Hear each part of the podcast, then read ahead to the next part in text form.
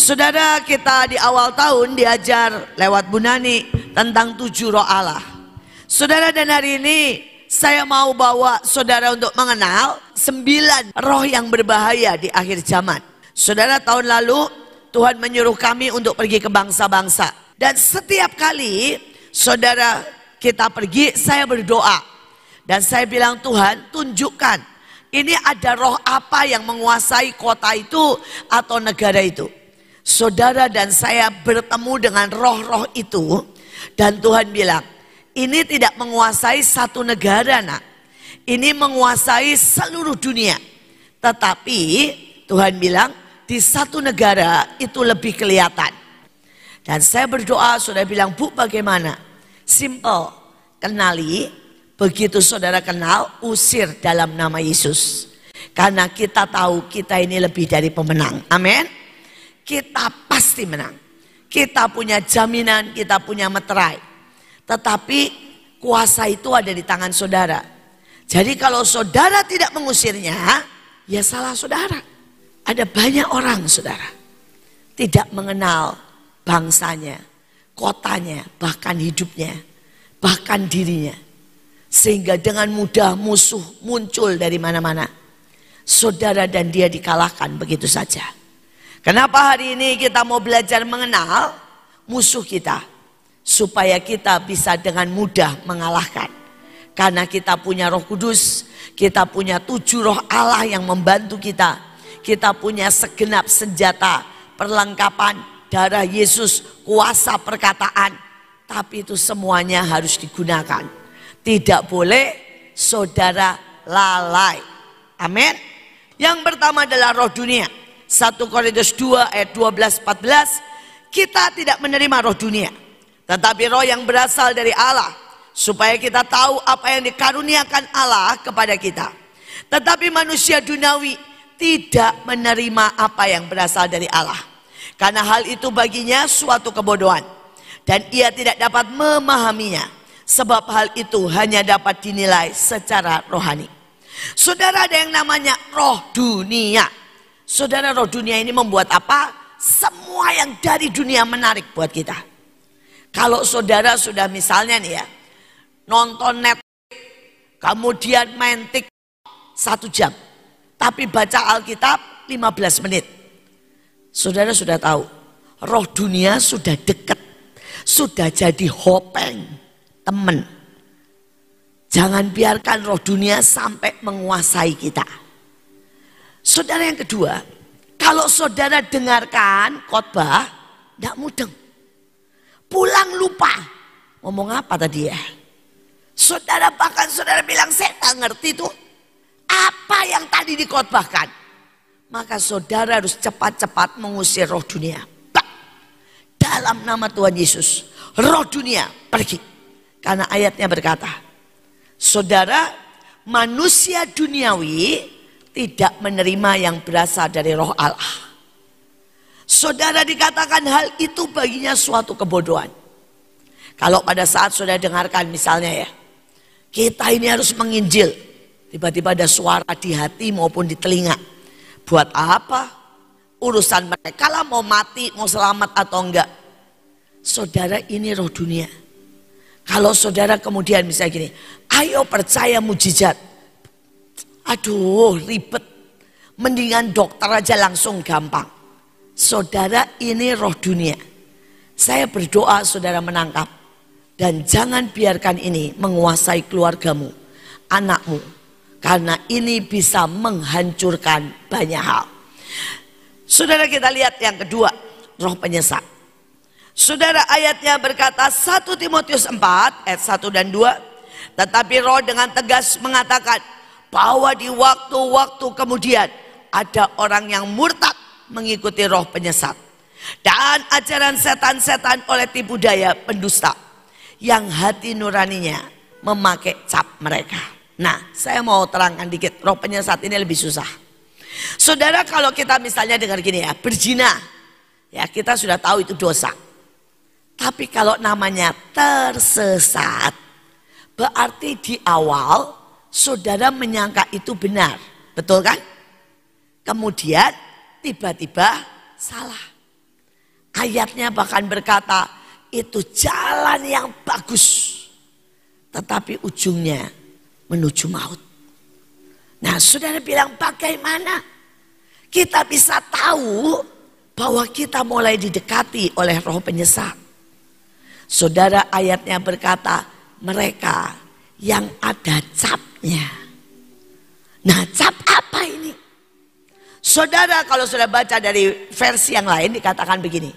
Luka kekecewaan itu menyebabkan saudara tato, trauma di hati mereka. Dan itulah yang membuat roh penyesat dengan mudah merasuk, mengganggu, membelokkan mereka. Saudara di dunia ini, saudara boleh seribu kali baik.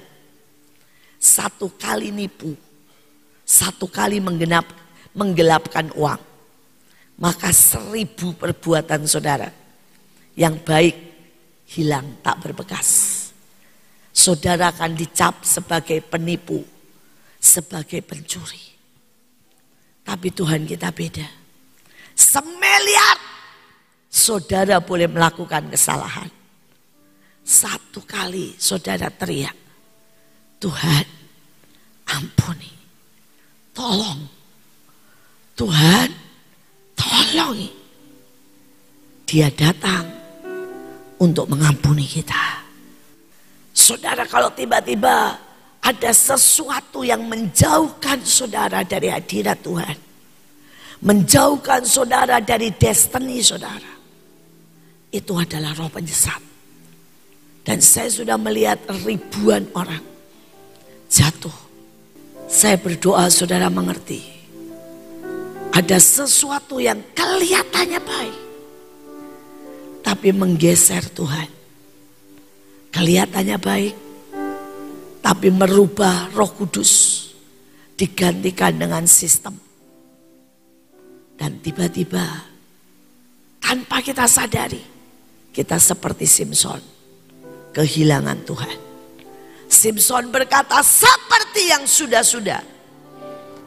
Dan mereka berpikir seperti yang sudah-sudah.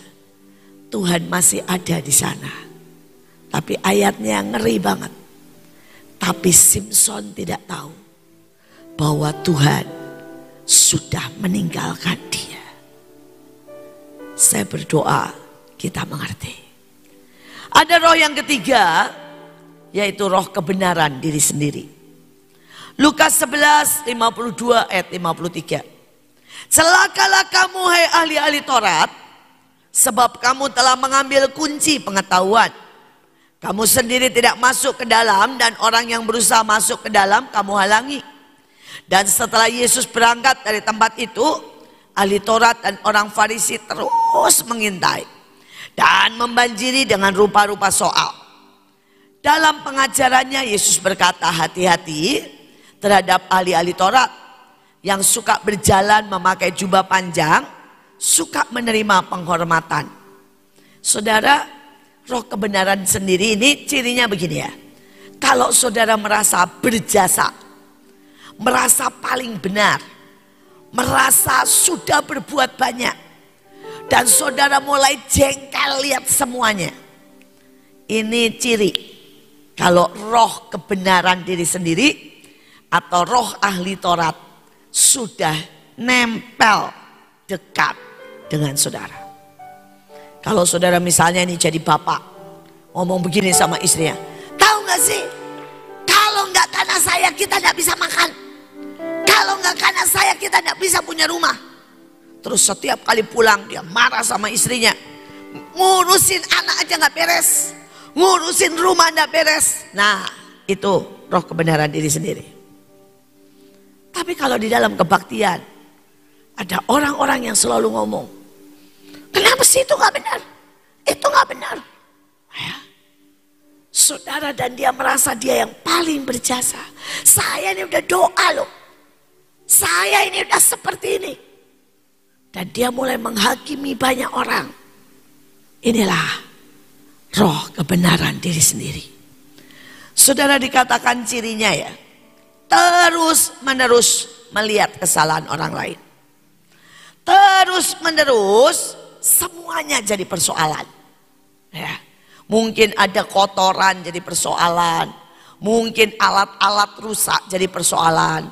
Mungkin saudara ya, WL-nya fals jadi persoalan. Nah ini roh kebenaran diri sendiri. Saudara bukan berarti kita memperbaiki diri itu tidak boleh. Bukan itu poinnya. Saudara kemudian roh ini membuat saudara itu pengen dipuji. Saudara pengen dikasih tepuk tangan.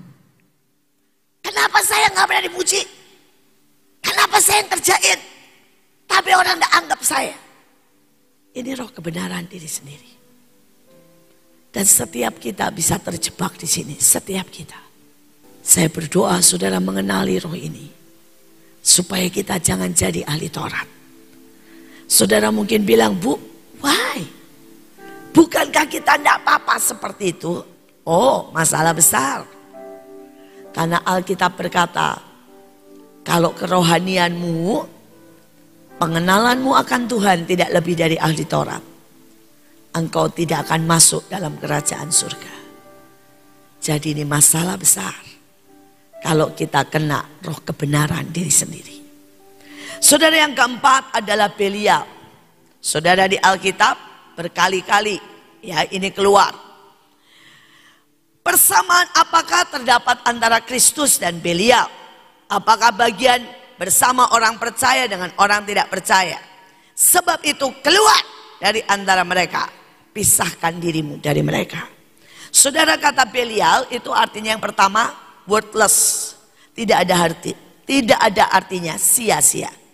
Saudara yang kedua tidak mau bertuan. Saudara yang ketiga, saudara Belial itu artinya saudara liar. Nah, ada banyak orang tanpa sadar tidak pernah mau bertuan. Saudara mereka bilang gini, sorry ya, saya tidak mau tunduk kepada siapa pun. Hanya kepada Tuhan langsung. Saudara ini roh Belial. Saudara ada orang istilahnya. Fakabon itu pengembara. Wah biasanya tentara-tentara hebat. Tapi saudara mereka vagabond. Saudara mereka tidak mau saudara terikat kepada satu negara pun. Saudara dan orang ini biasanya kutu loncat. Ya pergi ke Sion. Wah Sion kurang seru pindah Mahanaim. Mahanaim ah terlalu ngeroh. Pindah lagi mungkin ke Semarang. Semarang ini terlalu muda. Pindah lagi saudara ya. Saudara ini vagabond. Saudara ini orang yang tidak pernah bertuan. Mungkin saudara bilang, saya dari zaman dulu ya tetap ada di Sion. Tapi saudara mungkin bilang ini, ah saya nggak cocok sama dia. Saya nggak cocok sama dia. Saya juga nggak cocok sama dia. Sudahlah, saya jadi jemaat saja tanpa saya terlibat apa pun. Ini vagabond, ini Belial. Ini roh yang membuat engkau tidak pernah bisa ditundukkan. Saudara mungkin berkata apa yang salah? Saudara ada sebuah prinsip di dunia maupun di Alkitab kalau engkau tidak pernah dipimpin, engkau tidak pernah bisa jadi pemimpin. Kalau engkau tidak pernah mau jadi hamba, engkau tidak akan pernah jadi hamba Tuhan. Saudara, mungkin banyak orang berkata, buat apa? Banyak orang tidak pernah melewati proses ini sampai menang. Dan saudara tidak bisa menjadi besar. Saudara tapi Belial ada sesuatu yang lebih mengerikan. Saudara Belial itu menukar semua yang sangat berarti menjadi sesuatu yang sangat-sangat saudara sia-sia. Dan saya berdoa kalau saudara mulai tiba-tiba iblis bilang begini, ngapain doa? Lebih baik saudara nonton, fun. Ini Belial. Kalau tiba-tiba saudara bergesernya nggak akan langsung ya. Tapi saya lihat ada beberapa orang tua yang berkata begini sama saya. Saya mau anak-anak saya sekolah dan tidak usah pelayanan. Karena sekolah dan menjadi kaya itu jauh lebih penting. Itu menjadikan jaminan untuk berhasil. Salah besar. Alkitab berkata, carilah dahulu kerajaan surga dan kebenarannya. Maka semua akan ditambahkan. Saudara di zaman anak saya, Stephen dan Joshua. Saudara semua orang bilang, penting sekolah daripada pelayanan. Saya bilang, no. Penting cari Tuhan dan pelayanan daripada sekolah. Saudara hari ini saya mau benar-benar buktikan. Saya lihat dengan mata kepala saya sendiri. Semua anak teman saya yang dulu mementingkan sekolah. Mereka menjadi S1, S2, bahkan S3. Tapi mereka rata-rata tidak bisa kerja. Mereka rata-rata bukan siapa-siapa. Mereka cuma pegawai. Mereka tidak pernah bisa menjadi pemimpin. Bahkan separohnya hidup di ketek orang tuanya. Tahu saudara maksudnya di ketek orang tuanya? Sebenarnya tidak ada prestasi, tidak ada apa-apa. Dia cuma adalah pewaris kerajaan orang tuanya yang menghabiskan uang. Tapi saya boleh bersyukur semua anak-anak yang masuk dalam pelayanan. Saudara menjadi kuat dan semakin kuat.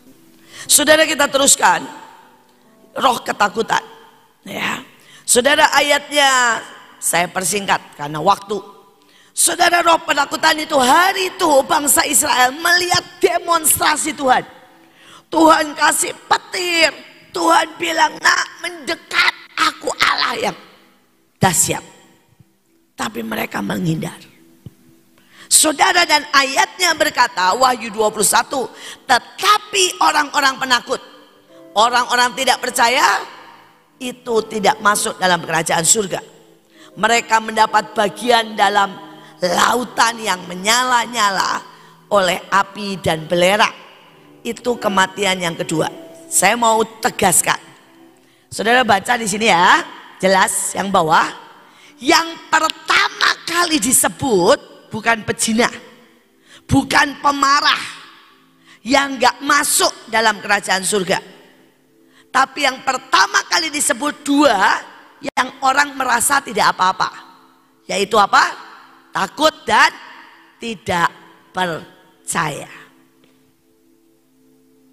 Ketika saudara bilang, percayakah engkau sama mujizat? Ya tapi, dan saudara pikir, it's okay. Ayo Injil, takutlah. Nanti kalau ditolak, kalau dibilang sok rohani, Hei, ini jelas loh. Penakut dan tidak percaya. Apakah saudara bisa percaya ketika Tuhan bilang, serahkan uangmu? Apakah saudara bisa percaya ketika Tuhan bilang, anakmu taruh di pelayanan? Apakah engkau begitu takut? Sehingga engkau tidak bahkan tidak berani menabur banyak. Pada waktu saudara mau melayani, dikasih nanti gagal, nanti ditolak, nanti dibilang fanatik. Ketika saudara mau memberi, nanti gimana? Kita butuh uang. Ketika saudara mau mungkin ngasih makanan ke orang miskin, Nanti kalau keracunan. Saya berdoa hari ini. Saudara usir roh ketakutan. Dan mari lebih takut kepada Tuhan. Daripada apa pun yang roh ketakutan katakan. Saudara yang keenam adalah roh kekacauan. Saudara dikatakan Tuhan mencurahkan roh kekacauan. Sehingga apa pun yang mereka lakukan tidak ada usahanya yang berhasil. Saudara, kalau saudara ini kena roh kekacauan, cirinya apa pun usahamu tidak berhasil.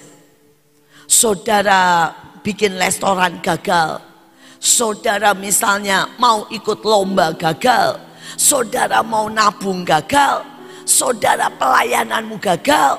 Maka saudara berurusan dengan roh kekacauan. Dan kalau saudara tahu saudara berurusan dengan roh kekacauan, usir dalam nama Yesus. Segalanya tiba-tiba akan oke. Okay. Saudara banyak orang tidak aware. dengan roh kekacauan dalam hidupnya. Tapi roh kekacauan seperti yang saya bilang menguasai Thailand. Sampai orang tidak tahu destininya. Sampai orang tidak tahu gendernya. Kalau saudara ini pikiran kacau, tidak bisa mikir, tidak bisa belajar, tidak bisa kerja. Itu roh kekacauan. Ya. Kalau usahamu tidak ada yang berhasil, itu roh kekacauan. Kalau engkau tidak bertumbuh, itu roh kekacauan. Kalau setiap pagi saudara tidak tahu ngapain, selesai malam dan sudah bilang ini, gua ngapain aja hari ini ya. Kok rasanya tidak berbuat apa-apa, tidak menghasilkan apa-apa. Itu roh kekacauan. Saudara, karena waktu ada roh Biliam. Saudara dan roh Biliam yang ketujuh ini adalah roh yang memperdagangkan apa pun. Untung rugi. Saya hari itu pergi ke satu hamba e, gereja dan saya sudah rutin melayani di situ. Saudara itu salah satu pelayanan terbaik di gereja itu, yaitu apa? Manula. Saudara gereja itu punya program pelayanan manula. Saudara yang datang bisa 5000 manula. Laki-laki dan perempuan, nenek-nenek, kakek-kakek, opa dan oma, programnya keren banget. Saudara mulai dari khotbah, cek kesehatan, senam, saudara ya. Kemudian dibagi kelompok-kelompok, Kemudian saudara mereka bisa diskusi, ketawa-ketawa. Saudara biasanya mulai jam 9 sampai saudara jam 2 siang. Wah keren. Saya itu pengkhotbah saudara ya yang favorit lah di antara mereka. Enggak eh, tahu kenapa saya memang suka sama oma-oma, tante-tante. Ya, saya bisa khotbah dengan bahasa mereka. Kadang-kadang saya tambah Belanda dikit.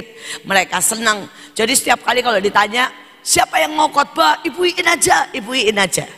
Saudara dan saya favorit di antara mereka. Tiba-tiba saya dikasih kabar. Pelayanan ini dibubarkan. Saya bilang, hah? Lima ribu orang dibubarkan. Sudah mau tahu jawabannya? Karena tidak pernah untung. Kolektor sedikit, ongkosnya gede.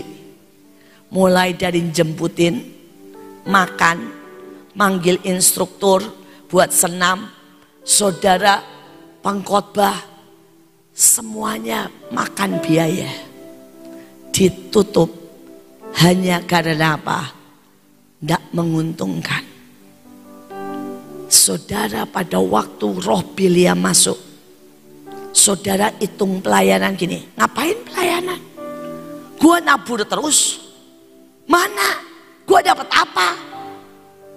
Pada waktu saudara sudah berpikir, saya dapat apa? Pelayanan, datang kebaktian. Semua saudara berpikir, gua dapat apa? Saudara tapi Robiliam ini membelokkan saudara dengan iming-iming.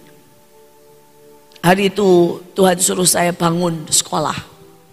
Dan Tuhan bilang gini, terima anak yang bodoh, yang miskin dan kurang ajar. Tiba-tiba ada konglomerat datang ke saya, kasih cek 6 miliar yang di depan. Di belakangnya ada beberapa cek kosong. Dia bilang begini, semua pembangunan saya tanggung sampai jadi. Asal jadikan sekolah ini sekolah paling keren, bahasa Inggris, sekolah paling akademik kuat dan kasih 10% untuk beasiswa. Saya bilang, oh maaf, Tuhan gak suruh saya buat sekolah keren. Tuhan suruh buat saya sekolah untuk nampung anak bodoh, anak miskin, dan anak kurang ajar. Saudara dan konglomerat ini berkata begini, di Bekasi yang butuh sekolah keren, dan saya terlalu hina buat bikin sekolah jelek. Kalau kamu mau, saya bayarin. Kalau kamu tidak mau, saya nggak bisa bayarin. Saudara hari itu saya tidak punya uang satu sen pun buat bikin sekolah. Tapi saya hari itu harus bilang, tidak mungkin om. sekolah keren, sekolah mahal, bukan destiny saya. Kalau hari itu saya iakan, saya tidak pernah melihat kemuliaan Tuhan seperti sekarang. Saya tidak melihat lawatan seperti sekarang. Saya tidak bisa melihat para pelacur menjadi penyembah. Saya tidak pernah bisa melihat para pembunuh menjadi hamba-hamba Tuhan. Saya tidak bisa melihat anak-anak yang paling gak ada harapan jadi bintang-bintang yang memegang medali-medali dan orang-orang kaya raya. Sekali lagi ada roh Biliam yang mencoba membelokkan engkau. Saudara yang kedelapan adalah roh kegilaan. Saudara dikatakan roh jahat yang daripada Tuhan berkuasa atas Saul. Sehingga ia kerasukan dan Daud main kecapi, kemudian Saul ada tombak di tangannya. Pak. Ya dikatakan di dalam Yeremia, sehingga mereka menjadi kering. Sebab negeri itu penuh dengan patung-patung. Mereka menjadi gila oleh berhala-berhala mereka. Saudara buat Saul yang terutama itu adalah pendapat orang. Tepuk tangan. Penerimaan Saudara dan tanpa dia sadar itu jadi berhalanya. Dan setiap kita punya berhala, maka roh kegilaan itu dekat. Saudara karena itu ayatnya, karena rumahnya penuh dengan patung. Mereka menjadi apa? Gila. Saudara lihat aja ya, kalau ada itu yang kita contohnya K-pop. Itu berhala mereka itu di Korea K-pop. Saudara bayangin ya, K-popnya bilang begini, saya capek bunuh diri, mari ketemu di neraka. Saudara ini terjadi loh. Lebih dari 30 orang ikut bunuh diri. Karena ketemu di mana? Neraka. Saudara pikir ini gak gila? Gila. Saudara kalau saudara lihat apa yang terjadi di Jepang Saudara buat mereka, mereka tidak mau keluarga. Buat mereka keluarga suami istri itu meletihkan. Tetapi mereka saudara itu butuh tetap kemesraan, seks. Jadi Jepang itu nomor satu saudara perzinahan. Tapi bukan perzinahan yang pemerkosaan, enggak. Saudara itu mahasiswa apa pun pasang iklan, saudara ya. Jadi namanya pacar bayangan, istri bulanan, saudara kontrak, saudara roh kegilaan. Saudara kalau saudara pernah baca sejarah Jepang hari ini, mereka menikah sama boneka, mereka menikah sama anjing, roh kegilaan. Tapi saudara berkata, apakah saya mungkin? Mungkin. Begitu ada berhala dalam hidup kita.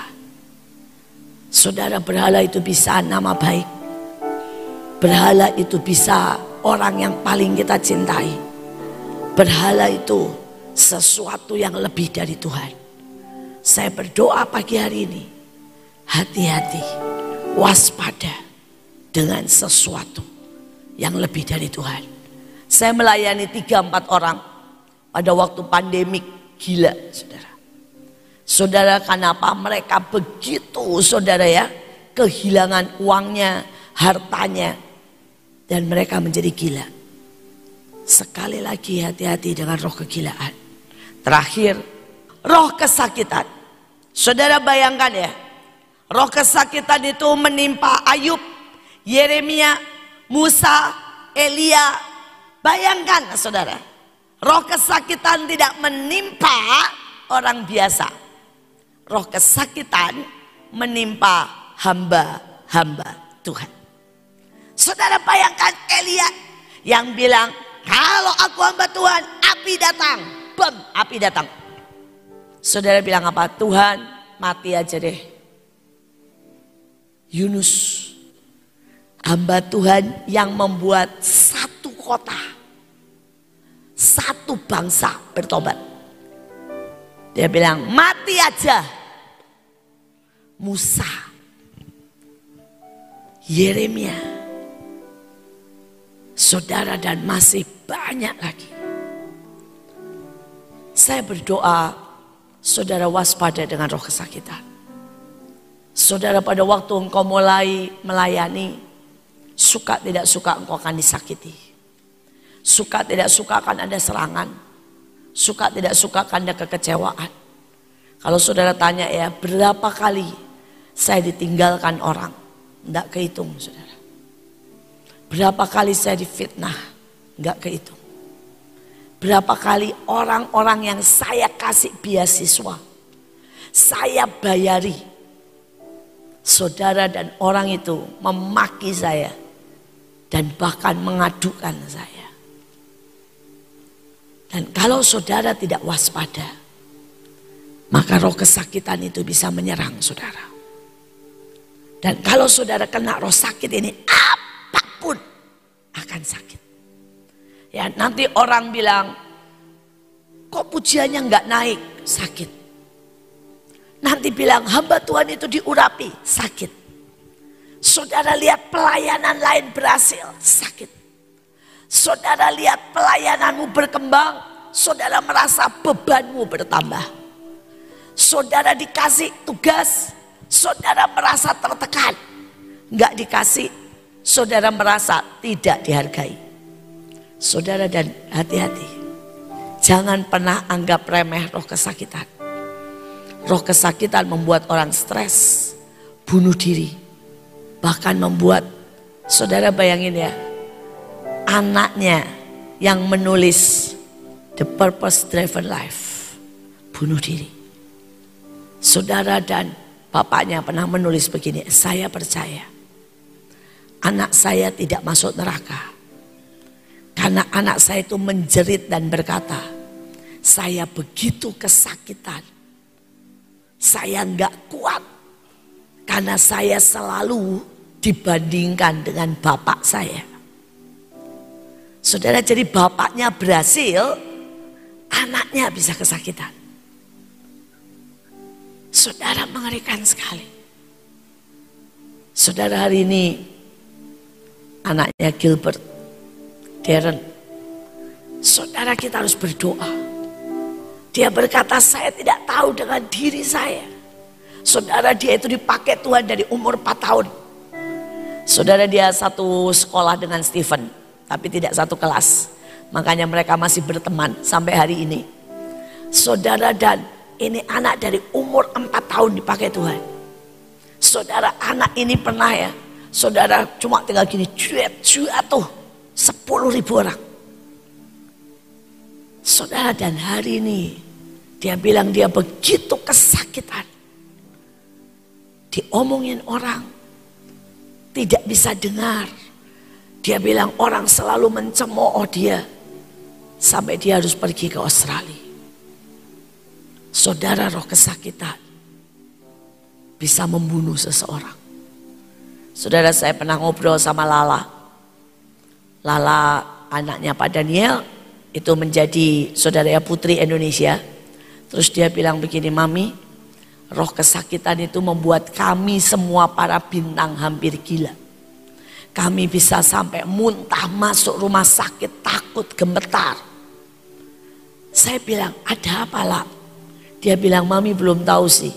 Kalau dikata-katain dan baca semua yang ditulis oleh netizen Terus saya bilang bagaimana kamu bisa melewati? Saya nggak baca satu pun. Tapi kalau nggak baca kan nggak bisa balas. Kami disebut sombong, kami disebut nggak tahu diri. Karena saudara e, mereka kan selalu harus voting. Jadi saya bilang terus caranya gimana? Saya tukeran sama teman saya. Jadi temennya yang pegang HP-nya Lala, HP temennya Lala yang pegang. Karena dia bilang gini, kalau yang dimaki orang lain tetap rasanya tidak sesakit. Kalau yang dimaki diri sendiri.